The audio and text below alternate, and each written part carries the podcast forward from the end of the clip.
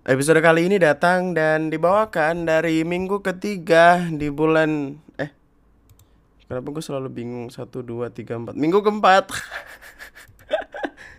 Di bulan Januari 2020 uh, mari kita membahas cerita pendengar lagi. Sudah lama kita tidak berkecimpung di cerita orang lain. Uh, nama gue Andri dan selamat datang di Lunatic Podcast.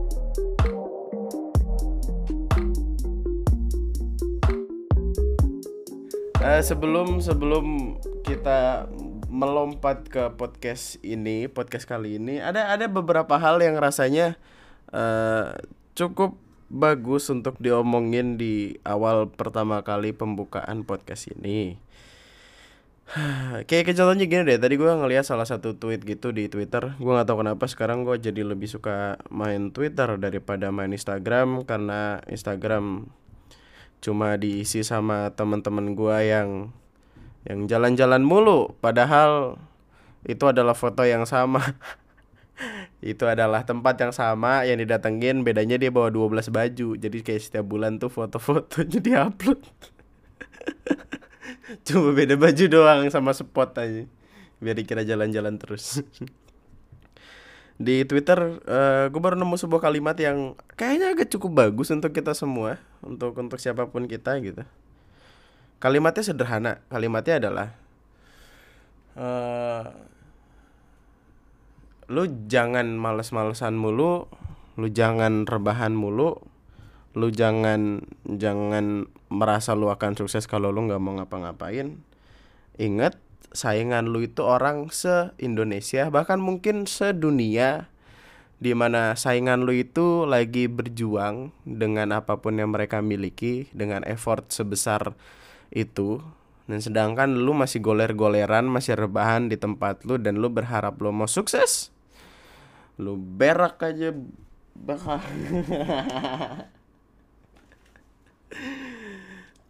Kayak akan akan selalu menyenangkan gitu untuk untuk uh, ngomong kalimat-kalimat yang sebenarnya bisa diaplikasikan ke diri sendiri tapi kita malas gitu tapi gue nya males uh, uh, btw mohon maaf gue baru balik lagi setelah seminggu. Jadi kayaknya gue bak minggu ini bakal ngejar dua ngejar dua podcast gitu karena minggu kemarin nggak ada podcast soalnya gue lagi rada-rada meriang gara-gara window anjing nih mah dari kemarin kesalahan jatuh ke Windu anjing. Windu datang ke rumah. Jadi ceritanya gini. Windu lagi abis ini abis sedih kemarin lah gitu. Ada masanya dia sedih. Eh tadi ada yang ada yang nge apa ngebikin story terus kayak gue tunggu bang podcast lu bareng Windu gitu. Gue pengen tahu semua masalah di hidupnya gitu. gue ceritain dikit nih. Kemarin dia ke rumah gue tuh sedih lah dalam keadaan sedih. Ada ada ada personal problem gitu.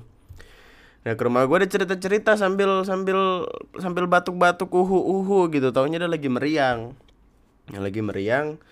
Uh, terus dia nginep di tempat gue dua hari dan ya kemeriangannya itu menular ke siapa pun yang ada di rumah gue itu hari pertama kali apa Windu nginep malam pertama Windu nginep paginya gue udah ikutan demam udah ikut-ikutan meriang. Besoknya makin parah. Taunya besoknya adik gua mama gua juga ikutan meriang. Emang Windu berak gitu orang. Hidup di dunia ini hanya untuk ngajakin berantem orang-orang. Emang emang bagus nyanyut aja tuh orang dari kemarin. Kenapa kagak anyut dia?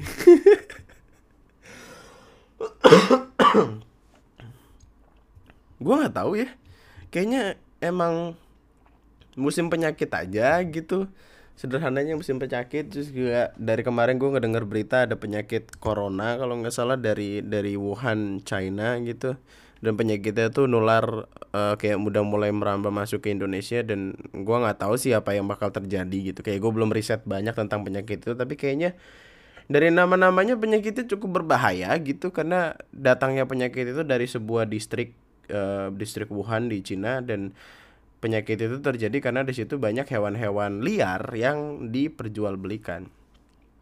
Uh, kalau di Medan kita punya monohon market gitu. Yang gua kalau nggak salah ya, mohon maaf monohon market gitu di mana semuanya tuh semua hewan-hewan dijual di sana gitu. Kayak pernah ada monyet dijual di sana, uh, kelawar, ada anjing, ada ular, ada ya ada berbagai macam hewan yang kayaknya nggak bakal temuin di pasar-pasar biasa. Dan di Wuhan juga kayak gitu. Di Wuhan tuh kayak ada serigala ada monyet ada kayak oh, hewan-hewan liar pada dijual-jualan di situ dan penyakitnya datang dari situ. Uh, ya nggak tahu juga sih apakah apakah itu bisa seberbahaya itu atau enggak gitu. Tapi kayak ya mudah-mudahan kita tidak ada yang ter ter terkontaminasi tertular penyakit itu. Soalnya ada gue sempat baca berita gitu uh, di BRI kalau nggak salah. Kita kita sebut aja deh mohon maaf nih kalau salah nih. Nanti kita klarifikasi lah kalau salah kayak youtuber youtuber jadi kayak ada ada uh, orang yang kerja di salah satu bank gitu terus uh, dari China terus pulang ke tempat itu dan tempat itu si banknya ini langsung diisolasi gitu. Semua yang ada di bank itu tuh langsung langsung nggak ada yang boleh keluar nggak ada yang boleh uh, macem-macem macem-macem. Anjing macem-macem gimana? Ngobrol di tempat sampah anjing intinya kayak bener-bener diisolasi begitu gitu kayak mencekam aja untuk untuk ada di tengah tengah sebuah uh, virus yang kita nggak tahu banget bentuknya kayak apa dan bakal ngakibatin apa gitu. Kayak kayak zombie land aja jatuhnya. Ya tiba-tiba lu diisolasi akan akan uh, lu yang tiba-tiba kena penyakit tertentu dan tidak boleh keluar dari tempat itu serem sih mencekam sih anjing. Kayak gue jadi ingat film I Am Legend yang si Will Smith Will Smith kah? Itu mantep sih. Intinya intinya jaga kesehatan. Tolong jaga kesehatan. Kalau lu batuk dikit pusing dikit uh, minum obat atau periksa ke dokter takut dan malah kenapa-napa. Gua gua nggak tahu apakah gua terlalu malas untuk pergi ke dokter dan setakut itu sama yang namanya jarum suntik tapi intinya gue selalu membenci membenci rumah sakit karena uh, dulu sempat ada cerita di mana gue sangat amat membenci suster. Eh, enggak ini kayak pandangan subjektif dong ada ada cerita di balik itu gitu. Jadi kayak waktu itu uh, waktu gue SMK kalau nggak salah ketika umur gue masih belasan gitu gue ngebawa adik gue ke rumah sakit. Tadi gue lagi sakit sakitnya sakit apa gitu. Di salah satu rumah sakit daerah Jakarta lah. Terus adik gue di ini di mau diinfus gitu kan. Cuma dokternya tuh nggak nggak nemu nemu apa nadi atau apa sih yang di tangan itu tuh nggak nemu-nemu buat masukin infusnya gitu. Dan itu kayak dipindah kiri berapa tusukan terus nggak kena tiga atau empat gitu terus pindah ke kanan di kanan juga nggak bisa gitu terus pindah balik lagi ke kiri. Adik gue nangis gue nangis ngeliatinnya kayak gue gue gue sampai marah-marah bisa nggak sih? Gitu kayak gue nggak tahu apa yang salah gitu. Gue tiba-tiba emosi bagaimana rasanya ketika orang yang lu sayang tiba-tiba merasakan kesakitan dan lu lihat itu di depan mata lu. That is such a big big emotional stuff in me kayak yang ah ya udah. Dari semenjak itu gue kayak mulai membenci rumah sakit dengan dengan apa pun yang ada di sana gitu ya. Meskipun gue sadar gue nggak bisa yang selamanya tidak bergantung terhadap rumah sakit gitu kayak nantinya pun gue akan pergi ke rumah sakit untuk satu dan dua alasan tertentu gitu. Tapi ya intinya semoga kita semua diberikan kesehatan semoga kita semua diberikan kelancaran dalam hidup supaya kalau sakit ya bisa cepat sembuh gitu. Gue suka kalimatnya uus yang bilang kayak jangan jangan lu jangan doain gue untuk sehat terus gitu. Sehat kadang-kadang sakit kadang-kadang gitu. Karena gue juga sadar semenjak kemarin gue sakit tuh gue kayak jadi ngerasa oh ini tuh namanya bersyukur udah sembuh gitu. Oh ini tuh namanya bersyukur dengan tidak merasakan sakit gitu. Anjing seharian gue rebahan nih kayak kayak kiaki udah mau batuk uhu uhu gitu. Terus kayak kepala gue panas meriang pilek. Pileknya nggak udah udah suara gue jadi bindeng. Gue nge-record itu nggak dengerin suara gue sendiri kesel. Gue nge-record satu menit uhu uhunya serat serat narik ingusnya udah tujuh ribu kali ya kalau nggak salah. Selalu sendiri jadinya. Jadi it so glad to be back. Terima kasih sudah menanti terima kasih sudah menunggu. Akan gue kerahkan diri gue untuk uh, ngebikin dua episode podcast minggu ini. Uh, hari hari Sabtu kan gue mau ke acaranya Bari ya acaranya Bari. Terus gue pengen pergi ke nggak tahu buat jalan-jalan aja healing. Dan ya mungkin di sana gue bakal bikin podcast juga. Apa pun itulah tentang apa pun itu. Ya mungkin gue bakal bikin podcast sama Ara juga kalau dia nggak marah-marah Aku gue sakit dimarah-marahin mulu emang anjing. Orang sakit tuh melomelin Orang mah sakit di elus-elus biar sembuh dimarah-marahin mulu. Disuruh Jangan makan ini, jangan makan itu Berak. Apa salahnya orang sakit minum amer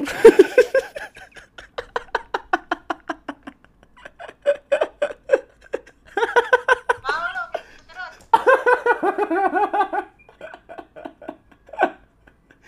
diomelin langsung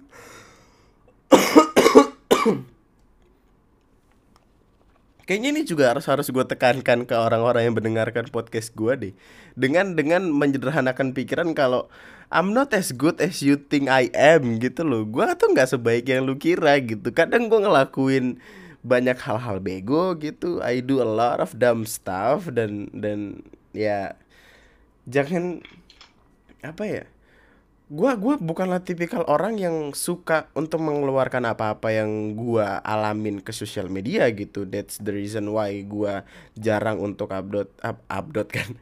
Upload Instagram story atau nge-tweet tentang apa-apa yang gua lakuin. Karena gua tidak terlahir untuk eh, sosial media staff gitu. Ya mungkin gua akan bisa jadi eh, jadi orang yang gimana ya berhasil gitu ketika gue bisa memanfaatkan sosial media gue dengan benar. Kayak contohnya Arif Muhammad deh. Arif Muhammad adalah salah satu apa ya salah satu panutan terhebat gitu dalam dalam hal mengatur sosial medianya gitu. Karena dia bisa eh, ngatur crowd dia pintar untuk eh, apa manage audiensnya gitu di Instagram di YouTube di Twitter segala macam. Itu dia balik lagi kan bisa tiba-tiba ke dealer motor jajan beli motor kayak kayak beli ciki di warung anjing. Terakhir yang beli apa KLX tahu-tahu ada motor dia lewatin ini bagus buat di kantor ini juga ya satu anjing. Kayak beli kacang gue nggak nggak bisa gue belum ada gue di tempat kayak gitu belum gitu. Tapi gue bukanlah orang yang bisa untuk eh, ucul-ucul datang terus ngepost foto di Instagram dan bilang kayak eh gue lagi di sini loh gitu. Mantep nih tempatnya bagus nih gitu. Ya gue belum belum bisa ada titik kayak gitu. Gue pun mungkin kalau ngupload ngupload ya untuk kesenangan gue aja gitu. Bukan bukan untuk mencari follower meskipun gue seneng tiba-tiba followersnya banyak gitu lumayan. Gue soalnya punya teman di kantor brengsek orangnya ini. Dia waktu itu followers gue cuman ya mungkin 900 lah 900 800 dia followersnya udah 1500 terus dia membangga-banggakan itu bagaikan emas gitu loh. Kayak kayak dia tuh udah jadi some kind of people yang udah main film di Hollywood gitu. Punya punya nama di Walk of Fame gitu. Walk of Fame Walk of Fame yang nggak tau lah. Pokoknya dia merasa kayak filmnya blockbuster banget gitu. Udah ditonton sama miliaran orang. Padahal cuma followers 1500 nah, kesel banget gue dengernya. Terus gue yang tiba-tiba datang ke arah dia terus kayak dia dia lagi ngeliatin IG gitu nge-refresh refresh profilnya ngeliatin apa IG-nya followersnya nambah atau enggak gitu. Padahal IG-nya di private kan anjing. Terus dia kayak Andrew liatin deh followers gue udah nambah lagi. Terus kayak followers lu sekarang berapa? Terus dia ngeliat IG gue followers gue ya waktu itu mungkin 3000 atau 4000 terus kayak yang oh gitu terus dia langsung terdiam dan dan dan gue nggak tahu di mana di mana perasaan senang dia kemarin gitu tiba-tiba hilang terbawa angin gitu terus kayak kesombongannya langsung pudar langsung ke kamar mandi gue nggak tahu apakah dia merenung atau menangis gue nggak tahu tapi kayak gue tidak hidup untuk eh, mencari followers. Gue tidak hidup untuk mencari angka. Ya mungkin kalau dikatakan gue untuk mencari uang ya kita hidup dengan untuk mencari uang gitu.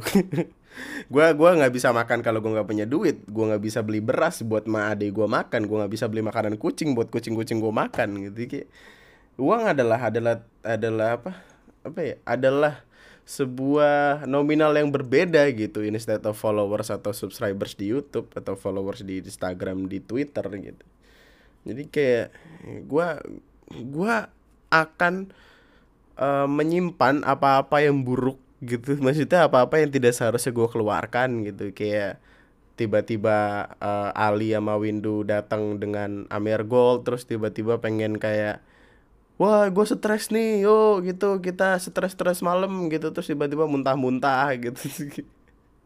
Gue lebih suka menceritakan hal-hal bego yang terjadi gitu. Instead of ngasih tahu orang kayak woi gue nakal nih. Gue emang hebat nih bukan berarti gue pengen bilang orang-orang kayak gitu salah gitu. Kita memutuskan apa-apa yang kita kasih lihat nantinya gitu. Mungkin juga nantinya gue bakal eh, jadi brand ambassadornya Jagger gitu. Gak tau juga kayak amin gitu. Tapi kan akan ada masanya gitu. Dan masa sekarang adalah gue lebih milih buat menyimpan apa-apa yang jahat dari dari apa-apa yang gue lakuin untuk untuk gue pribadi gitu. Gue nggak pengen kelihatan jadi bad boy dengan foto-foto uh, shirtless terus mamerin otot atau gue nggak pengen foto-foto dengan apa punya mobil beli rumah baru gitu. No I'm not such a kind of person gitu. Tapi ya kita nggak ada yang tahu ke depannya bakal gimana. Siapa tahu gue dua tahun lagi bakal jadi kayak Ata yang pamer-pamer mobil atau pamer-pamer rumah. Yang yang gue yakin gue akan berusaha untuk menghindari itu tapi nggak ada yang tahu juga gitu. Apakah life is change. Hidup selalu selalu ngebawa diri kita ke arus-arus yang kita bahkan nggak tahu. Tapi ya gue bakal berusaha untuk tidak menjadi tidak menjadi bangsat seperti itu. Gua gua seratus ribu subscribers pun di YouTube tuh gua kayak yang tidak terlalu menggembor-gemborkan kayak yang oh anjing udah seratus ribu subscribers nih ini liatin silver play button gua nih mampus lu yang nggak dapat gitu. Nggak gua gue makan apa-apa yang gue dapat aja gitu. Karena gue nggak menemukan kesenangan dalam uh, ngasih lihat apa-apa yang gue raih ke orang-orang gitu. Itu tuh kayak gua gua gua bukanlah tipikal cowok yang kayak eh lihat cewek gua deh. Cewek gua cakep kan anjing nih liatin nih. Lu nggak bisa dapetin kan cewek kayak gua nih gitu. I'm not such kind of person gitu.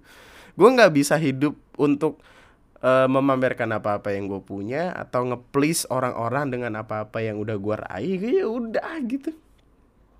Nantinya juga bakal ketahuan siapa teman-teman lu yang yang bakal ada waktu lu susah gitu.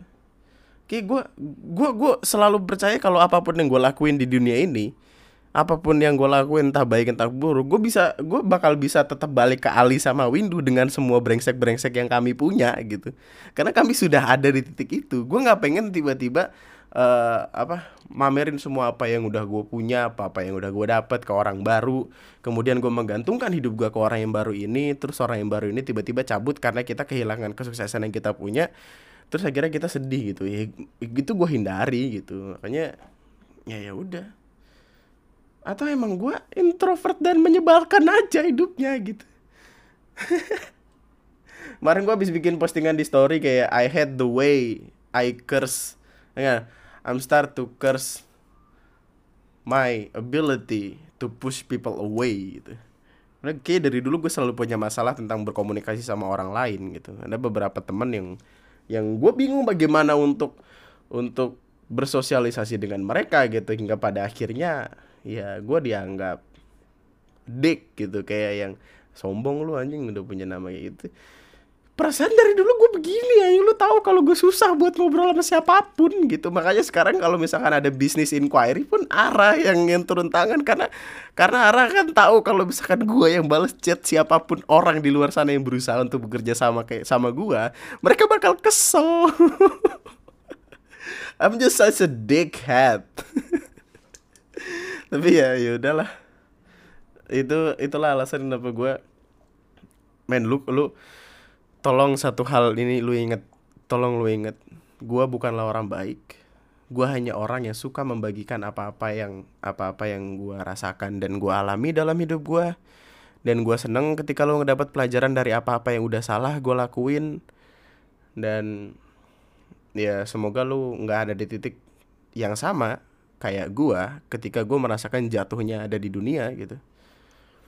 Uh, makanya yang kemarin ketika gue ngobrol sama Puan perkara perkara selingkuh selingkuh setan berak itu gue tuh merasa kayak yang oh tolong dong nih yang yang dengerin jangan ngikut-ngikut apa yang gue lakuin deh jangan cukup gue aja yang yang brengsek gitu. Padahal gue tuh selalu selalu merasa kayak gue nggak pengen kalah di sesuatu yang gue bisa gitu. Kayak gue tuh terlahir kompetitif gitu nggak tahu kenapa bokap gue eh bokap gue dulu berak ya nih.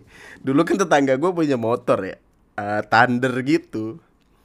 Gue nggak tahu kayak bokap gue sama samping rumah gue tuh berantem apa gimana gitu. Tiba-tiba out of nowhere gitu bokap datang ke rumah dengan bawa apa apa ya apa sih namanya pulsar. Nih kayak dia nggak mau kalah banget anjing. Terus nggak lama tetangga gue dia beli motor ganti motor lagi ganti motor Thunder tapi yang versi lebih baru kalau nggak salah. Tiba-tiba bokap out of nowhere lagi datang bawa CB anjing CB 150 apaan sih? Kenapa? Kenapa lo tiba-tiba? Nih bokap gue tipikal orang yang kalau misalkan di jalan terus disalip dia nggak rela tuh mesti disalip lagi. Kalau nggak kalau nggak gitu dia nggak tenang jalan naik motor tuh pasti gitu kesel banget gue gue terakhir kompetitif gue nggak tahu kenapa. Makanya ketika gue melihat ada orang lain di luar sana menyombongkan apa apa yang dia lakuin dengan dengan berlandasan kayak, woi gue yang terbaik di tempat ini gitu. Sedangkan gue ada di tempat yang itu juga dan gue tahu gue bisa ngalahin dia gitu. Ya gue kayak merasa, oh iya lu emang paling mantep bro. Iya lu emang paling hebat. Kita semua tahu lu yang paling hebat gitu. In a sarcastic way, it works gitu. Kayak dia langsung merasa, ah la la la gitu. ya tuh. Itu tidak egois. Itu adalah cara cara cara salah yang yang sudah terpatri dalam diri dan susah untuk keluar. Waktu itu aja tuh saking saking keselnya sama jalanan ya. Kan dulu eh, gue sekolah di salah satu SMP gitu di daerah Bekasi. Ya kita sebut aja lah SMP 2 ya kan? SMPN 2 Tarumajaya gitu jauh tuh. Lu mesti nyasar dulu kalau mau ke situ lah dan jalan ke jalan ke tempat eh, ke SMP gua dulu itu sekarang kan udah dibangun nih di kiri kanan udah dibangun gitu. Dulu tuh dia masih tanah merah dan sering kali ada truk di situ. Eh gua tuh saking saking saking merasa merasa harus mendapatkan apa yang gua mau gua akan melakukan itu apa pun yang terjadi gitu. Waktu itu gue inget gua udah telat nih sekolah. Udah telat kayak sekolah masuk jam jam 7.30 apa jam 7 gue lupa intinya gua udah telat gitu Terus di depan gua ada truk bawa pasir gitu, bawa tanah. Terus gue berusaha kayak kayak harus nyalip dia gitu, tapi gua kayak nggak bisa bisa nyalip. Nih belokan belokan sekolah gua udah belok kanan nih, karena gua masih penasaran, gua masih berusaha untuk nyalip itu truk gitu kayak apa pun yang terjadi, ah, mau belok mau nggak bodo amat, ayo lurus dulu. Gue salip truknya, terus gue nungguin truknya buat lewat lagi, terus gue muter balik baru belok. gue tuh tipikal orang segoblok itu gitu. Makanya tolong lah buat siapa pun lu orang di luar sana tidak semua orang yang lu lihat di sosial media tidak semua orang dengan dengan angka yang dia punya itu adalah orang yang baik gitu. Kita kita selalu punya eh, sisi gelap yang nggak pengen kita kasih lihat ke orang-orang. Ya dan ya udah gitu. Lu cukup kayak ngelihat sesuatu yang baik-baik aja dari dia supaya lu bisa ngambil yang baik-baiknya. Atau katakanlah kalau dia ngasih lihat sesuatu yang buruk ya seenggaknya lu nggak lakuin itu gitu. Gua gua kaget ketika gua ngelihat email terus ada yang ngomong kayak kak hidup kakak kayaknya enak banget ya hidup kakak kayaknya eh, baik banget gitu. Bla bla bla bla bla bla gitu. Kayak intinya tuh seolah-olah ngasih tahu kalau hidup gue itu selalu benar gitu. Padahal tidak oh sama sekali tidak justru gue datang ke tempat yang sekarang ini gue duduk di bangku ini itu tuh udah ngelewatin banyak kesalahan yang entah ngebikin gua malu, entah ngebikin gua dimaki-maki orang, entah ngebikin gua down sendiri. Ya udah gitu life just Dekah anjing. Mau ngomong pakai bahasa Inggris tapi gagal. Hidup begitulah adanya gitu. Jangan terlalu apa gimana ya? Kalau kata Israel, vengeance don't over over over over over apa ya? Over dah anjing gue butuh waktu lama nih buat ngingetin ini. Pokoknya lu jangan mendewa-dewakan jangan mendewa-dewakan influencer yang lu sukain gitu. Kayak takutnya nanti ketika lu ngelihat sisi buruknya lu malah kaget dan kesel sendiri anjing itulah kenapa itulah al- salah satu alasan kenapa gue membenci kalimat fans gitu loh. Ada orang di luar sana yang baru punya ya katakanlah 10.000 ribu subscribers di YouTube dan 1000 subscribers di IG gitu. Tiba-tiba yang yang di di postingan IG-nya dia langsung bilang kayak "Eh, Hai eh, kalian eh eh, gua mau bikin meet and greet nih untuk fans-fans gua. Kah. Ah, anjing gue merinding. Benci banget gitu. Gua gua bukan gua bukannya kayak pengen pushing people away buat eh eh bang gue suka sama lu. Gue bukan nggak mau sama orang-orang kayak gitu. Maksudnya gue adalah tipikal orang sederhana yang tidak ingin ada kalimat fans di tengah-tengah antara gua dan karya gua. Nggak karya sih apa sampah-sampah yang gue bikin gitu Kenapa kenapa orang bisa kayak sepede itu untuk menyebut orang-orang yang suka sama karyanya itu fans gitu? gue seneng ketika ketika gue ngobrol tentang eh, terima kasih 2019 kemarin karena lu tuh siapa pun yang dengerin gua udah jadi saksi dari perjalanan gua gitu perjalanan panjang yang mak- bahkan masih masih belum ketemu garis finish ya karena gua nggak pengen ketemu garis finish secepat itu gitu. Gue pengen tetap bertumbuh dan berkembang. Dan gue gue selalu pengen manggil lu temen. Nggak ada fans fansan nggak ada nggak ada kayak eh eh bang gua ngefans sama lu. Nggak tolong lah tolong banget nih. Tolong banget. Gua soalnya gue nggak make gue nggak pengen makan apa apa yang udah gue keluarin lagi gitu. Gue nggak pengen ngejilat ludah gue sendiri ketika gue kesel ngelihat orang sok menjadi raja akan sebuah circle yang dia bentuk dan menjadi raja-rajaan di tengah orang-orang yang suka sama karya atau apa pun yang dia bikin dan menyebut mereka adalah fans gitu. Maksudnya lu siapa sampai sampai merasa fans banget gitu? Lu ratu Elizabeth aja ratu Elizabeth aja yang boleh makan ikan paus sama lumba-lumba tidak pernah merasa harus memiliki fans gitu. Sepatu nggak apa-apa. Old school fans. Kah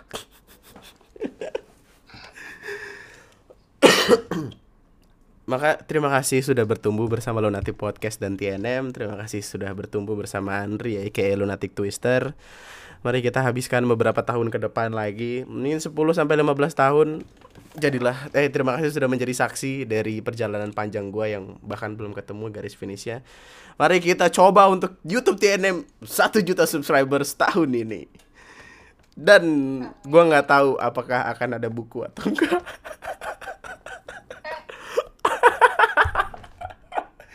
Gue bahkan sudah ragu di bulan pertama dari tahun 2020 ketika gue bilang 2020 Desember bakal ada buku. Ya udahlah. Oke, bakar dulu dah. Ayo kita ngomongin email yuk.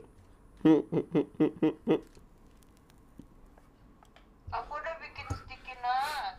Sticky note yang ngingetin buat bikin buku. iya, iya. Nanti disiapin. Tenang aja, tenang. Kalem aja, kalem. Hidup hidup bertumbuh. Seperti halnya orang-orang yang ngirimin email. Kayaknya makin ke sini makin seru aja email ya. Ada yang ngirim email. Ya kan lagi meriang. Semalam aja gue meriang kagak bisa tidur. Tiba-tiba jam 10 ngantuk bangun-bangun jam setengah lima. Hidup macam apa ini? Apakah kita hidup di dunia paralel paralel pa, paralel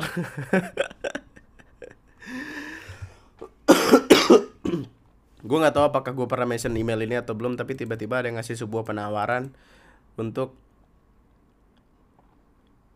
untuk bilang kalau dia tiba-tiba pengen bilang bang nikah yuk sama aku gitu. Mimpi apa gue baru bikin podcast berapa episode tahu-tahu diajak nikah sama orang? Padahal saya brengsek. Ya kita kita dengerin eh baca baca email yuk Eh, halo bang, selamat malam. Gue mau tanya pendapat lu. Jadi gini, gue kuliah udah semester 4 Ada satu cewek di kelas gue yang kayak deketin gue nggak kayak biasanya. Terus makin lama dia berusaha makin dekat dan teman-teman gue kadang ngomong sama gue Lu jadian udah sama dia? Lu jadian udah sama dia? Dia suka tuh sama lu. Gitu. Terus gue kaget. Gue bukannya nggak mau sama dia. Gue pernah Tapi gue pernah ngalamin hal yang sama dan gue ditolak. Untuk mengatasi hal terulang lagi Gue berusaha nutup hati gue nggak mau nerima orang lain lagi Terus lama kelamaan dia makin deketin gua Dan akhirnya gue buka hati gua dan coba menerima sikap dia ke gua di saat gua pengen ngomong perasaan gua ke dia. Gue dengar dia cerita sama teman-temannya kalau dia udah balikan sama mantannya.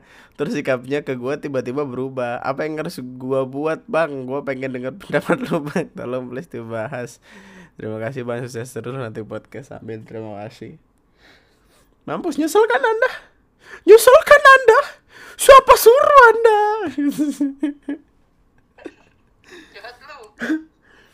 Penyesalan selalu datang belakangan. Yang pertama selalu panitia gitu. Apa? Cleaning service. Cleaning service. Bukan lah orang yang buka pintu. Orang yang buka pintu biasanya security. Ya, Di kantor dulu security yang bukain. intinya tidak usah terlalu dipikirkan kalau kalau si cewek itu udah bahagia dengan pilihannya ya udah biarkan saja gitu poinnya adalah belajarlah dari apa-apa yang sudah terjadi belajarlah dari penyesalan itu supaya nantinya lo bisa bisa tidak mengulangi hal yang sama lagi karena penyesalan seperti itu akan sangat amat sakit untuk dirasain karena saya tentu pernah ada di posisi seperti itu Wuh. eh gimana ya? Eh tadi gue mau ngomong apa sih lupa. Oh ini gini gini gini gini. Eh tidak ada yang salah untuk mencoba sekali lagi. Tidak ada yang salah untuk sekali lagi percaya kepada seseorang. Kadang kita selalu punya pendapat kayak ketika kita patah hati, ketika sakit hati, ketika kita salah ngambil pilihan, kita nggak pengen hal itu keulang lagi dan kita nggak pengen ada di pilihan yang sama. Padahal menurut gue ya bukan pilihannya yang salah. Orang yang ada di dalam pilihan itu yang salah. Sebenarnya ya nggak ada nggak ada yang salah dari diri lu ataupun apa pilihan yang lu terima gitu. Emang emang dianya aja bangsat gitu. Jadi tolonglah kalau mau rehat ya rehat aja dulu nggak apa-apa. Untuk nggak pengen ada di titik yang sama ya nggak apa-apa gitu. Tapi jangan jangan nyerah dan jangan kalah gitu. Bukan keadaannya yang salah tapi dianya yang emang sebenarnya nggak cocok aja buat lu gitu. Tuhan tidak mendak Tuhan tidak menakdirkan dirimu untuk bersama dia. Itulah cara Tuhan untuk mematahkan hatimu dan mempertemukanmu kepada orang yang lebih baik lagi bukankah begitu anak-anak iya Pak Guru aduh keselak Hmm. Jadi ya tidak apa-apa untuk tidak apa-apa untuk sakit hati, tapi jangan terlalu lama sampai-sampai lu nggak pengen ngebuka hati. Percaya sama gua semuanya bakal baik-baik aja pada akhirnya. Keadaannya nggak salah. Jadi ketika lu terjebak di keadaan yang sama, jangan mikir kayak oh anjing gua udah pernah kejebak di keadaan kayak gini nih, gua nggak mau ngulangin lagi. Ya keadaannya mungkin bisa sama tapi ketika orangnya berbeda hasilnya tentu akan berbeda gitu. Mungkin lo akan dihina-hina tapi ya tidak terlalu kelihatan gitu kan. Mungkin ada perbedaan dikit, dikit tapi ya tidak apa-apa. Tidak apa coba aja dulu. Coba aja dulu. Ya yeah, mantap ya tidak apa-apa, tidak apa-apa untuk patah hati dan tidak apa-apa untuk tidak ingin mengulanginya lagi. Tapi tolong jangan lama-lama untuk berpikir demikian karena percaya sama gue nantinya lu akan ditempatkan di posisi yang sama seperti itu. Hanya saja nantinya kamu akan dipertemukan oleh orang yang lebih baik daripada orang yang kemarin. Ya. Amin. Mantap, semangat terus. Hidup tuh harus harus dibawa rilek gitu.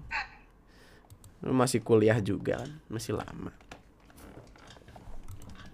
Hai lanjut. Ah panjang. Uh, Halo bang. Nama gua Keisha. Dari kemarin gue dengerin podcast lu Dan gue ngerasa seneng Ngerasa nyaman dengan obrolan lu tentang LDR, patah hati, dan bucin. Ketiga elemen itu adalah hal yang lagi gue rasain sekarang. Sedikit cerita ya bang. BTW gue LDR Bang Malang Jakarta. Malang sekali nasibmu Orang Jakarta. LDR udah tiga tahun Dan selama LDR itu gue diselingkuhin tiga kali hobi apa gimana? Diselingkuhin mohon maaf. Dan selama LDR itu gue diselingkuhin tiga kali tapi gue masih tetap cinta dan berjuang buat dia. Dan yang perselingkuhan terakhir ini bener-bener gue pengen nyerah. Bayangin bang dia jalin hubungan sama cewek lain di sana udah jalan lima bulan dan gue baru tahu dua minggu lalu bang gue rada nggak nyangka gitu bang. Padahal gue baru ke Malang sana nyamperin dia. Lepas kangen lepas rindu tapi pas gue balik ke Jakarta gue dapat kenyataan yang bener-bener bikin hati gue sakit bang. Dan yang paling buat nyesek cowok gue nggak bisa milih antara gue atau selingkuhan dia. Pas gue mau pergi dia nggak bolehin gue pergi tapi nggak lepas selingkuhannya. Be nyesek bang. Bingung gue bang.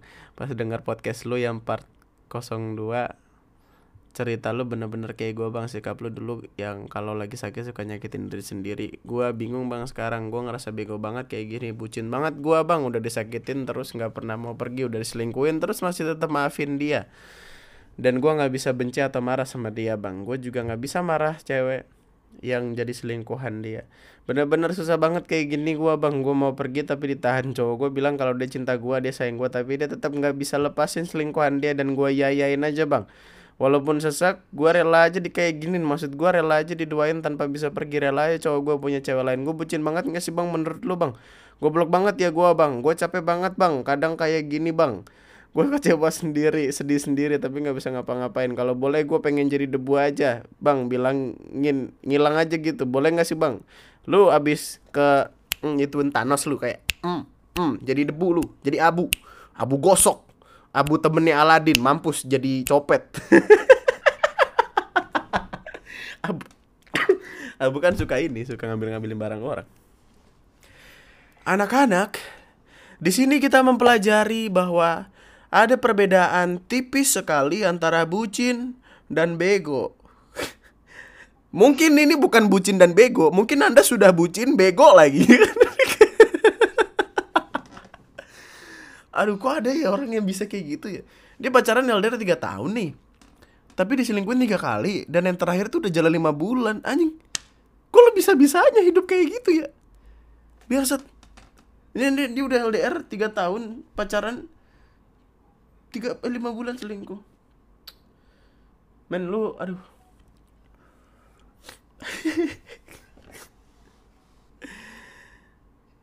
gini gini ada perbedaan mendasar ketika uh, lu yakin seseorang itu dibawa Tuhan untuk elu atau Tuhan ngebawa lu untuk orang itu tapi ketika tidak ada jalan tengah untuk semuanya sampai akhirnya lu diselingkuhin berkali-kali dan lu tetap lu tetap bertahan. Anda mungkin perlu ke rumah sakit jiwa. Anda sadar ketika Anda diselingkuhi dan cowok Anda tidak bisa memilih, Anda harus bertahan dengan semua itu. Lu bayangin deh, lu bayangin lu umur lu eh, tiga lima empat puluh gitu. Udah tua, udah tua, udah kerjaannya ya eh jangan gitu deh. 70 tahun deh ya biar tuaan lagi gitu. Udah duduk kan di bangku reot kayak mm, ngek. eh nggak bunyi. Biasanya bunyi di bangku. Ngek ngek gitu. Terus lu memikirkan apa-apa yang lu lakuin di semasa lu muda gitu. Terus lu sadar kayak anjing ternyata gue jadi apa gue diduain gitu. Terus kemudian lu bangun bangun dari bangku lu terus ngeliat suami lu sama selingkuhannya. Dan lu bertiga serumah. Ah anjing pusing banget dah intinya gini loh ketika seseorang itu melakukan sebuah kesalahan dan kesalahan itu seharusnya tidak dia ulangi lagi dia akan selamanya seperti itu. Apakah lu pengen ngebayangin diri lu lima tahun kemudian waktu lu udah nikah sama dia tiba-tiba dia pergi ke ke Sarina, ke Delta, ke Klasik, ke Sumo, milih-milih ini apa list dari orang-orang dari wah gitu untuk jajan-jajan. Lo mau? Tentu tidak dong gitu. Jadi kayak mumpung lo masih muda nih kayak apa lo lo lagi kuliah apa enggak sih? Lo ya pakainya eh, lo masih muda lah kayaknya. Lo cari cowok yang bener apa kadang tuh ada orang-orang yang emang ditakdirkan tidak untuk bersama kita dan hanya ditakdirkan untuk memberikan pelajaran kepada kita supaya kita jadi manusia yang lebih baik lagi. Seperti itu anak-anak. Dengarkan. Dengarkan. Tidak semua cerita berakhir bahagia. Gue udah ngomong ini berulang-ulang kali dan tolong jangan paksakan bahagiamu dengan satu orang saja. Dan jangan berusaha untuk percaya kalau ah bahagia gue cuma di dia. Enggak. Enggak. Ada banyak orang di dunia ini ada banyak cowok di dunia ini ada banyak manusia yang punya sifat yang lebih baik dari sekedar seorang yang suka menyelingkuhi pasangannya sampai tiga kali. Bahkan cewek yang terakhir sudah lima bulan lu nggak tahu kan lima bulan dia ngapain aja di sono. Lu nggak tahu dulu waktu video call sama dia terus dia video callnya dimatiin. Terus dia bilang kayak eh sini lampunya gelap jadi percuma dinyalain padahal dia sedang tiduran sebelahan sama selingkuhannya. Anda tidak tahu kan? Jadi ya sudahlah. Ya sudahlah. Lepaskan saja. Diam lu. Lepaskan saja. Lepaskan semuanya.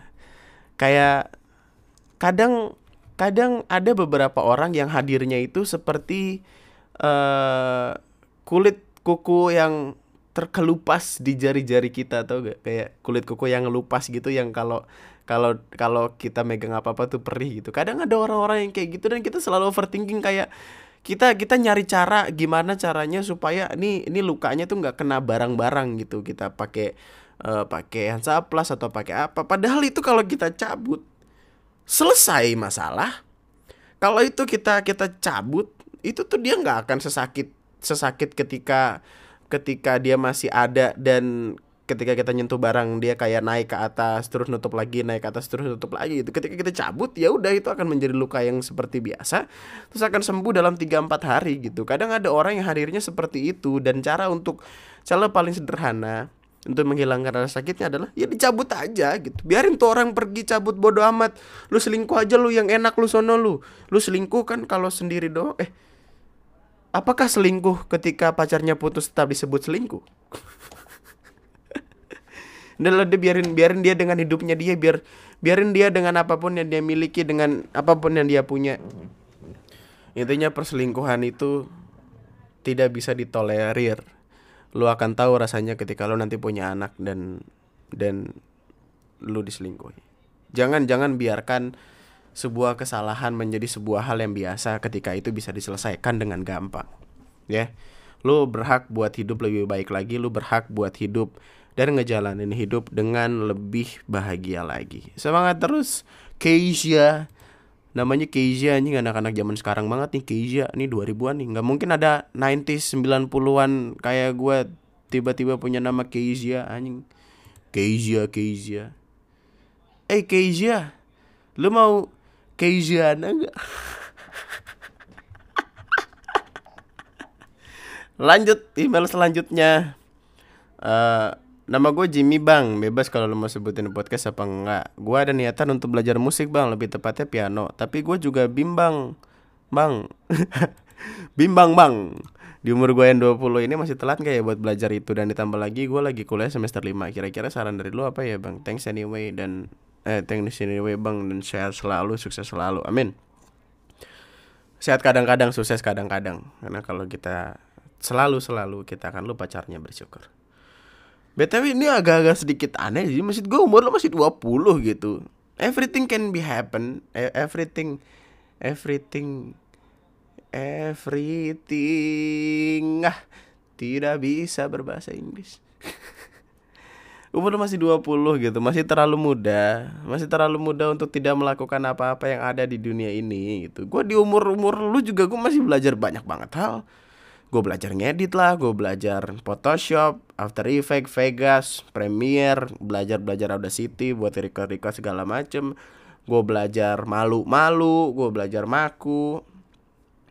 Lu tuh masih terlalu muda untuk tidak mencoba apa-apa gitu Dan umur 20 untuk belajar piano ya lu masih bisa lah tentu aja KFC dibikin oleh seorang kakek-kakek Dan sukses Ketika kakek-kakek itu sudah menjadi kakek-kakek Maksud gue nggak ada yang terlambat untuk belajar, tidak ada yang terlambat untuk mempelajari sesuatu yang baru. Bahkan nih, gue gue masih dikit cerita kakung gua ya.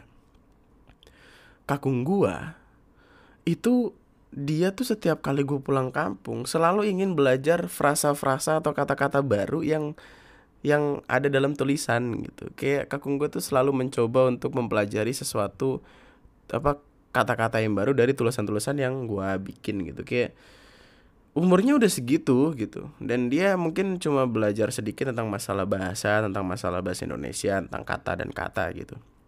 Tidak tidak 100% buta huruf gitu tapi seenggaknya paham.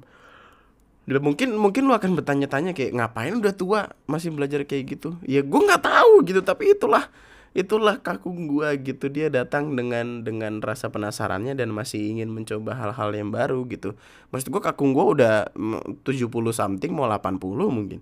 Tapi dia tetap berusaha untuk mencari sesuatu dan apalah kita yang masih umur muda-muda ini 20-an 30-an terus kayak udah males ngelakuin sesuatu yang baru berlandasan kayak kita udah tua gitu. Apa? Apalah tua Tidak ada kata terlambat untuk mempelajari sesuatu. Tidak ada kata terlambat untuk membuat sesuatu yang baru. Tidak ada kata terlambat untuk menjadi tipikal orang yang baru dengan apa-apa yang kita pelajari.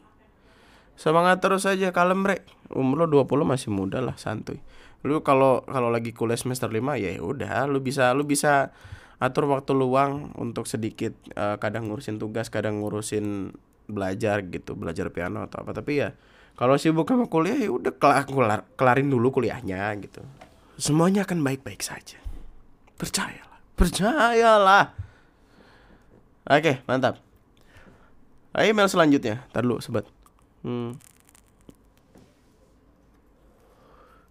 Halo kak, jangan sebutin nama saya jika next episode saya dibacain Ya, saya kelas 9, umur 14 Ya, wih anjing muda juga anda Saya dengar podcast saya pertama kali karena saya mau main game Tapi juga dengar suara orang ngomong Dan saya mau cerita Kak, saya suka seseorang cukup lama Ya, lebih dari setahun lah Terus kan ada podcast kakak yang bilang kalau kamu suka seseorang bilang aja ke orangnya. Saat itu lah gue nyesel kenapa gue nggak bilang ya karena sekarang dia sudah punya pacar. Betulnya podcastnya keren kok. Itu namanya oh mampus. Kenapa gue suka jahat sih sama orang-orang yang dengerin podcast gue Maaf ya, I love you so much hmm. Kadang gini loh uh, Iya, itu itu adalah hal penting gitu untuk untuk mengutarakan apa apa yang kita rasakan terhadap orang yang kita sukai gitu. Tapi ada satu hal yang lebih penting juga menurut gua ya. Jangan bilang suka atau sayang sama seseorang dan berharap dia akan mencintai balik untuk kita ada di suatu hubungan ketika kita belum yakin kalau dia sayang juga atau enggak sama kita gitu. Banyak orang yang bilang kayak eh gini, teman gua nih si anjing nih, ada adalah teman gua udah brengsek banget ya emang hidupnya nih. Dia ngelihat ini ngelihat ngelihat foto cewek gitu terus kayak yang cakep nih cewek cakep cakep gede maksudnya masa depannya cerah gitu maksudnya kah? Kayak dia dia bilang cakep sih tapi udah punya cowok ah males gitu. Gini deh maksud gue gini. Kalau dia nggak punya cowok pun emang dia mau sama lu kan kagak. Barangan aja kalau ngomong lu merasa cakep banget kali lu. Lu muka lu kayak kayak muka lu apa sih? Gue pengen ngata-ngatain teman gue sendiri. Muka lu kayak king. Wah kayak king. Tau gak? Kacang. Tau kayak king. Tau gak? masih ada iklannya tau gak? sampai sampai sekarang. Masih ada gak sih? Nggak nggak deh oke mantap. ya udah oke. Ya jadi gini loh yang gue selalu percaya dalam dalam konteks untuk PDKT dalam konteks untuk mendekati seseorang untuk jatuh cinta terhadap seseorang dan memastikan apakah dia cinta sama kita atau enggak adalah dengan yakin kalau dia emang punya rasa juga sama kita gitu ke kita gitu. Jangan yang lu nembak cewek kayak asal-asalan eh gue suka sama lu jadian yuk gitu. Dengan dengan tanpa berlandaskan dia tahu eh dia sayang sama lu juga atau enggak gitu. PDKT pendekatan. Itu fungsinya adalah supaya dia memiliki rasa yang sama untuk kita. Ketika dia tidak memiliki rasa yang sama PDKT itu harus diberhentikan gitu. Kecuali kalau lu emang pengen banget dan punya usaha yang niat. Teman gue ngedeketin ceweknya yang sekarang itu udah dua tahun baru baru baru berani untuk nembak dan jadian. Meskipun setelah itu pacarnya cuma sebulan cuman ya udahlah gitu. Maksudnya kan itu konteks yang beda lagi gitu. Tapi kan intinya lu pastiin dia juga sayang juga sama lu gitu jangan jangan lu saran gue adalah jangan mau untuk diterima karena dia kasihan sama lu gitu. Jangan mau menjadi pacar ketika uh, dia cuma berlandaskan rasa kasihan gitu karena rasa kasihan itu ya nggak bakal bikin lu ke mana-mana gitu.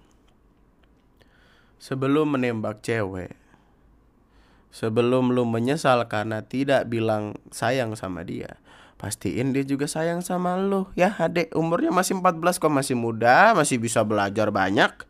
Masih bisa belajar, masih bisa sadar kalau hidup dengan wanita-wanitaan, hidup dengan cinta di umur-umur sekian itu akan mempersulit bagaimana hidupmu di sekolah nanti. Karena jadi bucin di usia muda akan menghambat keinginan untuk belajar. Saya begitu karena saya paham. ya, semangat terus. Terima kasih Mel ya. Nah, ya ini subjeknya caps lock. Gimana pendapat Bang Andri tentang si chat gua sama cewek gua? Harus gimana? Cewek gua harus gimana? Nama cewek gua nggak usah disebut ya, Iya. Kenalin Bang, sebelumnya nama gua HA dari Jakarta. Ya. Terus dia ngasih oh chat WhatsApp apa lain nih? Oh nih ceweknya nih. Kita pakai inisial eh, si ceweknya A. Terus eh, ada orang yang di chat B nih. Si A si ceweknya yang ngirim email dia bilang jadi ada kakel aku yang ngajakin foto bareng. Terus si B ini si cowoknya. Terus si J eh si A nya bilang tapi pegangan pengen panas-panasin orang doang. Nggak apa-apa. Terus si cowoknya bilang terserah terus ceweknya bilang lagi cuma mau manas-manasin doang katanya. Dia kok nggak ada maksud lain. Terus cowoknya bilang iya. Terus ceweknya kayak yang ah yang bener jawabnya jangan seterah gitu. Terus cowoknya bales ya udah iya gitu. Terus ceweknya bales oke makasih love you pakai emot ketawa sama love. Terus cowoknya bales kok emotnya ketawa? Terus ceweknya balesnya tahu gak apa? GPP terus cowoknya mungkin merasa berdosa cowoknya langsung balas kayak love you. Gini pertama Wahai cewek-cewek di luar sana, tolonglah ketika Anda membuat sebuah kesalahan, jangan membuat kalimat GPP yang membuat kami cowok-cowok merasa ikut bersalah juga. Harusnya ketika kalian membuat kesalahan, kalian minta maaf dan menyadari kalau itu kesalahan adalah sebuah kesalahan dan tidak seharusnya diulang kembali. Tidak dengan mengucapkan kata GPP supaya cowoknya minta maaf lagi. Ceweknya yang salah, cowoknya suruh minta maaf. Siapa yang ngajarin? Eh, tua. Kedua, nih gue kasih tahu nih buat siapa pun yang ngirim email ini. Cinta adalah ketika kita bisa menghargai perasaan pasangan kita. Gua nggak tahu mungkin lo masih muda atau umur lo masih SMP, SMK, gue nggak tahu lah. Tapi intinya tidak ada yang tidak ada yang wajar dari tidak menghargai perasaan pasangan. Ketika pasangan kita mengalami sesuatu dan kita harus eh, merasa merasa tidak ada masalah ketika dia tidak menghargai perasaan kita. Itu justru salah. Kenapa lu bisa-bisanya pegangan tangan pengen manas-manasin orang, ngikutin kakel dan lu ngomong lagi sama cowok lu sendiri? Kenapa sih manas-manasin? Enggak, gue yakin kakak kelasnya dia tuh bukan pengen manas-manasin, emang demen aja sama nih cewek. Kayak emang caper aja dia berak. Eh, jangan gue kasih tahu lu itu kakak kelasnya dia tuh suka sama cewek sama pacar lu, tapi pacar lu tuh dia dia juga suka sama kakak kelas lu gitu. Terus, hah, Eh lu jangan manas-manasin orang lah. mampus, mampus, mampus selingkuh, mampus, mampus diselingkuhin, mampus. tapi ya nggak udah lah. Itu hidup lu tidak apa-apa tidak apa-apa. Tidak apa-apa. Kadang emang kita tidak boleh mempercayai orang cuman enggak lah. Gue tapi kalau misalkan gue ada di titik kayak gitu ya terus kayak katakanlah gue masih muda dan punya ego yang tinggi terus cewek gue kayak bilang eh aku tadi diajakin foto sama kakak kelas diajak pegangan tangan katanya katanya buat manas-manasin cewek doang. Boleh nggak? Iya boleh kok. Gue bakal jawab iya boleh kok. Tapi kita putus dulu ya gitu. Terus ya udah mampus sono lu anjing. Goblok ada-ada aja caranya. Bilang aja lu kalau demen sama dia juga lu. Hmm, pakai alasan-alasan berak lu.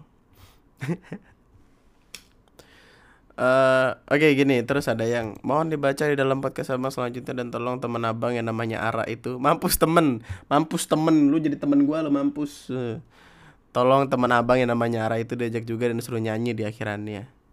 Gua kira di akhiratnya anjing. suruh nyanyi di akhiratnya. Meninggal lu.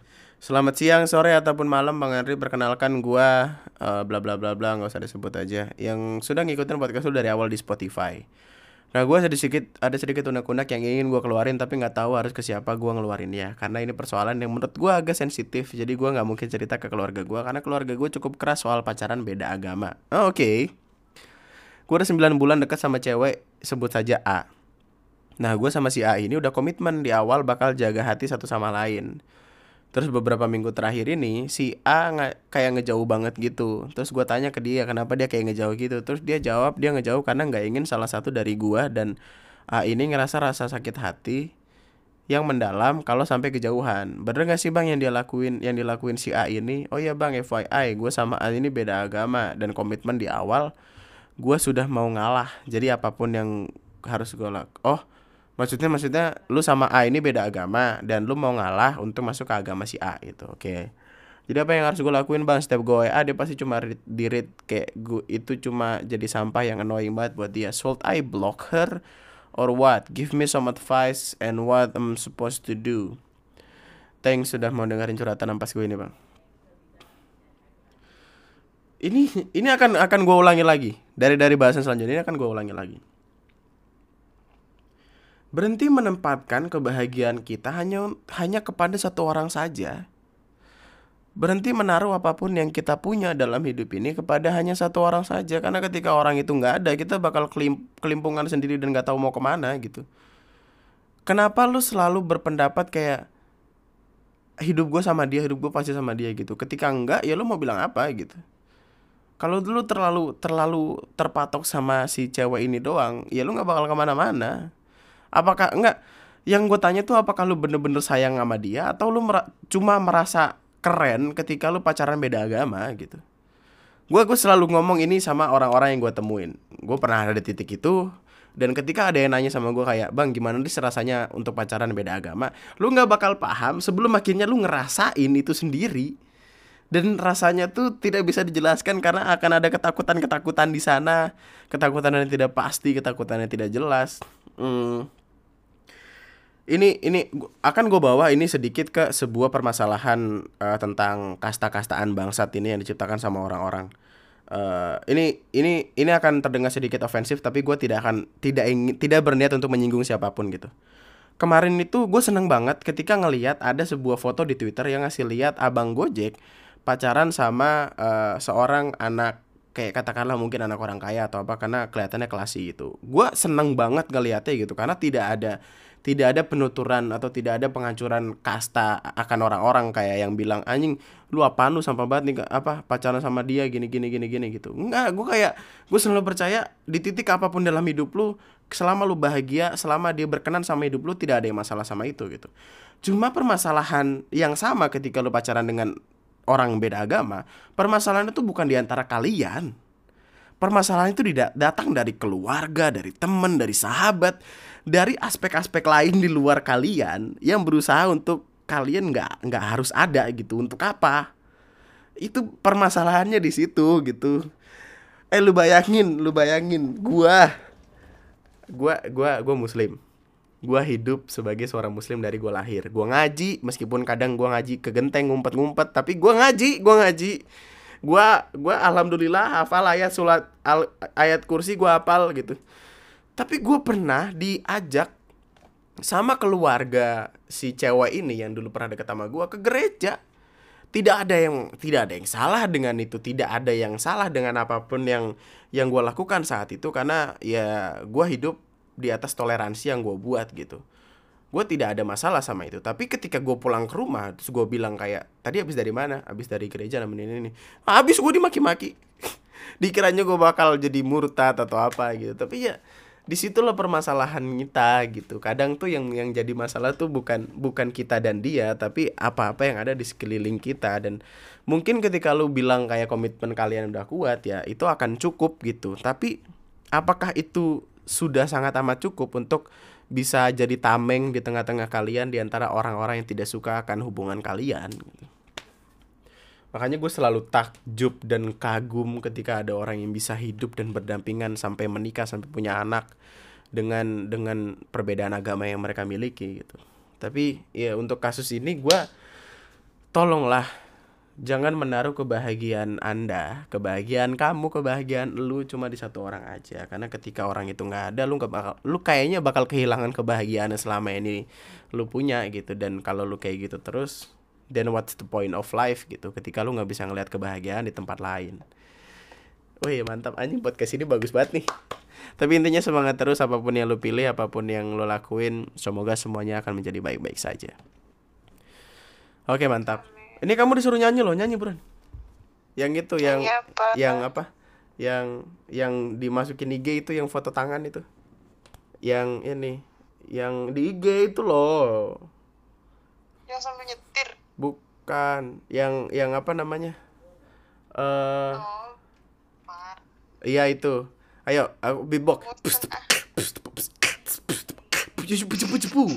Ayo, Bran.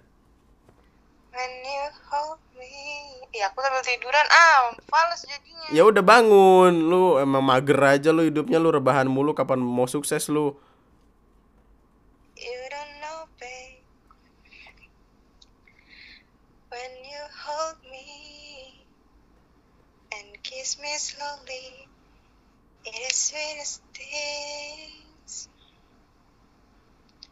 And it don't change if I had it my way. Even not that you are. Udah ya lah. Ya. Yaudah, ye, terima kasih. Ye. Bayar lo ya. Ayo, oke, ini sudah berapa menit nih? Wah, satu jam cuy. Ayo, email terakhir. Email terakhir. Assalamualaikum warahmatullahi wabarakatuh. Halo Bang Andri, gue eh, Cahaya Budi, cewek ya bukan cowok. Jadi gue punya sahabat. Kita udah sahabatan udah lama. Eh kita sahabatan udah lama sekitar enam tahunan. Abis lulus SMA kita ngerantau. Dia di Bandung, gue di Surabaya. Setelah sekian lama berjauhan, kita ada rencana jangka panjang untuk jalan berdua bareng keliling Bandung. Iya, si temen gue ini ditanya mau jalan ke mana dia kagak paham karena dia kerjanya kuliah doang kagak pernah muter-muter Bandung.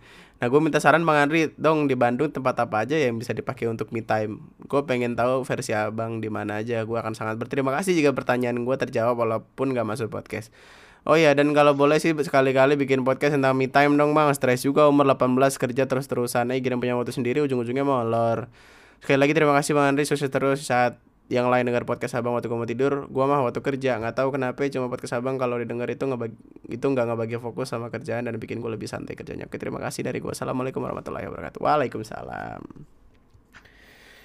Pertama nih gue pengen punya pertanyaan. Kenapa lu nanyain tempat wisata di Bandung sama orang Bekasi lu kalau nanya ke gua gua kasih tahu no Pakis no pantai Pakis no di ujung Bekasi no ada no Marunda tuh ada tuh Ancol gitu. Kenapa tiba-tiba nanya Bandung sama gua anjing? Gua ke Bandung juga baru dua kali tiga apa empat gitu lupa. Tapi karena ini ini baik jadi tidak apa-apa. Pertama gua bener-bener suka itu deh eh, apa farmhouse yang di Lembang tuh yang dapat susu gratis waktu masuk itu susunya enak banget sih sumpah gue nggak bohong. Itu kayak 11 12 sama susu murni nasional enak banget anjir. Eh di farmhouse tuh kayak bisa bebas gitu bisa eh kayak tenang aja gitu. Terus di itu apa? Apa yang kemarin ada itunya? Dago Dago Dream Park. Dago Dream Park itu masuk berapa ya kalau nggak salah 30 apa 25 gitu lupa gue apa 70 ya. Pokoknya tempatnya enak nyaman dan ada suara burung-burung di enggak di setiap sudutnya tuh kayak ada speaker untuk angklung angklungan atau pokoknya nada-nada nyanyian di Bandung banget gitulah yang yang otentik Bandung banget gitu. Jadi kayak kita bisa duduk di rumput-rumputan terus yang ngeliatin ngeliatin orang-orang aja gitu. Meskipun rada capek sih karena dia turun naik turun naik tinggi tinggi banget sih. Capek banget window aja gelinding anjing waktu jalan ke situ Dago Dream Park sih yang paling gue rekomendasiin enak. Ya nggak apa-apa, Windu emang hadir untuk kita bully bersama. I love you Windu. Eh, Dago Dream Park, Dago Dream Park waktu itu gue nggak record enak terus foto-foto. Tapi eh Desa Parwa boleh juga tuh di Desa Parwa kan Desa Parwa itu aduh gimana ya pokoknya itu di sekitaran Dago deh De- Desa Parwa itu tempat pertama kali gua ikut-ikut yang namanya acara pembacaan puisi gitu. Waktu itu ruang jeda yang dibikin sama salah satu salah satu komunitas menulis post penes dan tempatnya cukup bagus. Kayak kafe terus di tengah-tengahnya kayak ada kayak ada kotakan untuk bacain puisi entah nyanyi entah ngeband atau apa. Malam minggu itu selalu asik. Dan di depannya dia ada kayak ini loh ada kayak eh, lapangan lapangan apa ya? Lapangan untuk latihan lari. Pokoknya kayak sprint sprintan gitu dia bentuknya kayak lintasan kayak lintasan iya lari sprint yang ada biasanya di lomba-lomba Asian Games gitu-gitu. Kayak bulat gitu bulat lonjong gitu terus di tengah-tengahnya kayak ada lapangan. Dan ada ban ban gede gitu loh kayak buat latihan angkat-angkat beban diangkat dijatuhin gitu-gitu. Tenang banget untuk sore-sore ada di situ dan duduk ngeliatin sekeliling gitu loh. Dan situ juga gua lupa apakah bayar atau enggak kayaknya enggak deh. Bayar parkir doang kayak asik sih. Dan itu tapi yang paling gue rekomendasiin Dago Dream Park sih. Gue nggak tahu ya dalam dalamannya kayak apa kayak eh, apa hidden hidden gamenya Bandung tuh gue belum sebegitunya nyari gitu. Karena gue setiap kali ke sana ya perkara kerjaan kalau enggak emang bete aja. Gua mau Windu tiba-tiba nggak ada angin nggak ada hujan. Eh man Bandung yuk. Bandung berapa jam? Ya 5-6 jam lah naik motor. Terakhir sih gue 9 jam cuma kan karena gue bego aja waktu itu. Oh iya ayo jalan. Jalan ke Bandung. Pulang-pulang sakit badan goblok. Ya selamat berjalan-jalan. apa? Kalau buat me time di Bandung tuh, kalau buat me time di Bandung tuh enaknya di tempat yang nggak gitu banyak orang. ya apa? Aku eh Ranca Upas bagus, terus daerah-daerah Bandung Selatan, Ranca Ciwidey, Upas Ciwidey Soreang, Soreang, Ciseeng, oh Ciseeng sih. Ciwidey Pokoknya daerah-daerah Bandung Selatan itu masih belum banyak di jamah sama orang gitu. oh, banyak dijamah sama orang. Jadi kayak di sana dinginnya juga beda oh buat- gitu. me time. Kalau misalkan mau kenapa-kenapa ya nggak ada yang tahu juga. Eh, kalau meninggal eh, siapa yang ngangkut? Penangkaran rusa, oh iya lupa. Penangkaran rusa Ranca Upas itu bagus banget parah, Oh, iya. parah fix. Lupa gua. Itu bagus banget sih parah. Kayak kita bisa nyewa tenda ya di sana ya kalau nggak salah ya. Apa buat tenda sendiri? Itu bisa bagus banget sumpah. Dan kabutnya tuh kelihatan kayak kerasa lu ada di di tempat lain gitu. Kayak kayak lu tuh nggak ada di Indonesia gitu. Kayak some kind of place di Amazon gitu. Kabut-kabut. Terus ada bayangan yang nutupin sebagian sebagian hutan gitu anjing bagus banget sih sumpah parah. Itu. Penangkaran rusa Ranca Upas. lagi dingin dingin Iya, terus melakukan hal-hal yang diinginkan. Ngopi, makan Indomie. Kan itu melakukan sesuatu yang diinginkan dong. Iya dong. Ya, ya udah oke. sekarang ada travel yang ke Bandung seharian gitu loh lebih murah Berapa? 150 ribu 150 dari Jakarta ya? Dari Jakarta. malam iya itu udah bersih gitu Wah bagus tuh. Ah besok aja sama anak-anak ke situ deh. Oke mantap, thank you. Udah itu ke situ. Pokoknya paling rekomendasi penangkaran Nusa Ranca Upas. Mungkin kalau ada yang lain yang ingin memberikan rekomendasi bisa komen aja di kolom komen YouTube di bawah. Ini kalau kalau kalau dengerin di YouTube ya. yang di Spotify mampus nggak ada komennya anjing. Makanya ke YouTube. Lumayan gua ada AdSense-nya. Oke itu aja buat podcast gue kali ini Terima kasih sudah mendengarkan Terima kasih sudah bisa dan berani dan secara hebat mau untuk menjadi bagian dari perjalanan gua. Terima kasih sudah menjadi saksi akan bertumbuhnya Andri. It's been a great pleasure for me untuk bisa ada di tengah-tengah lu semua dan nemenin malam-malam lu yang kesepian karena lu jomblo dan tidak ada teman itu. Iya. Bukan sombong dong. Nggak seneng aja gitu ketika ngedenger ada ada orang-orang yang entah dari mana gitu tiba-tiba ngechat di DM terus kayak ngasih tahu gue dari Korea, gue dari Jepang, gue dari Jerman. Waktu itu ada yang dari Afrika Selatan. Anjir, lu ngapain di Afrika Selatan? Ah, mainan nama rusak. Ini itu istana presiden juga ada gitu. Tapi I really really appreciate it in from deep down of my heart. Kadang bahasa Inggris gue sampah tapi mohon maaf lahir dan batin kita masih belajar. Ya. Terima kasih yang sudah mendengarkan Andri dari belahan dunia mana pun. I really love you guys so much. Terima kasih. Terima kasih banyak. Eh, subscribe kalau lu masih mau dengerin gua ngomong. Kalau lu dengerin di YouTube subscribe aja. Kalau lu dengerin gua di Spotify, di Apple Podcast, di Google Podcast lu bisa follow aja supaya lu nggak ketinggalan, lu nggak ketinggalan updatean-updatean nanti. Eh, lu bisa follow sosial media gua di @lunatictwister itu ada di Twitter, ada di Instagram. Kalau lu mau update-updatean dan kalau lu pengen nambah-nambahin followers gua lumayan udah cukup banyak lah. Bisa buat ini gua eh, pamer ke teman yang kemarin pamer-pamer mulu. Mampus banyak gaya sih lu mampus mampus. 1500 saya lu merasa kayak setan lu memang gila lu memang gila lu hidup karena followers lu. Hah, itu aja buat podcast gue kali ini. Sampai jumpa di podcast gue selanjutnya. Setidaknya sampai saat itu tetaplah bahagia tetaplah baik-baik saja. Nama gue Andri sekian dan Ranca Upas dekatnya Ranca Ekek bukan sih? Apa dekatnya Ranca Bana? Oh, jauh ya. Ranca Bana. Ranca Bali Ranca Bali. Kok Ranca Bali?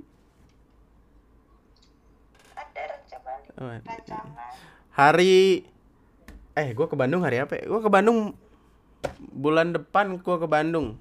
Bulan depannya lagi gua ke ke mana nih? Aduh, bosen. Bandung siapa Ya sama Ali sama Windu lah siapa lagi? Temen gua emang gua punya temen. Gak, nggak boleh. Nggak boleh. Nggak boleh. Ini adalah boys time. Nanti jadi kayak The Hangover. Terus si si kan gua ada Ali, Windu, Ricky ya kan? Itu kan sama gua berempat. Nah ntar Ricky hilang nih.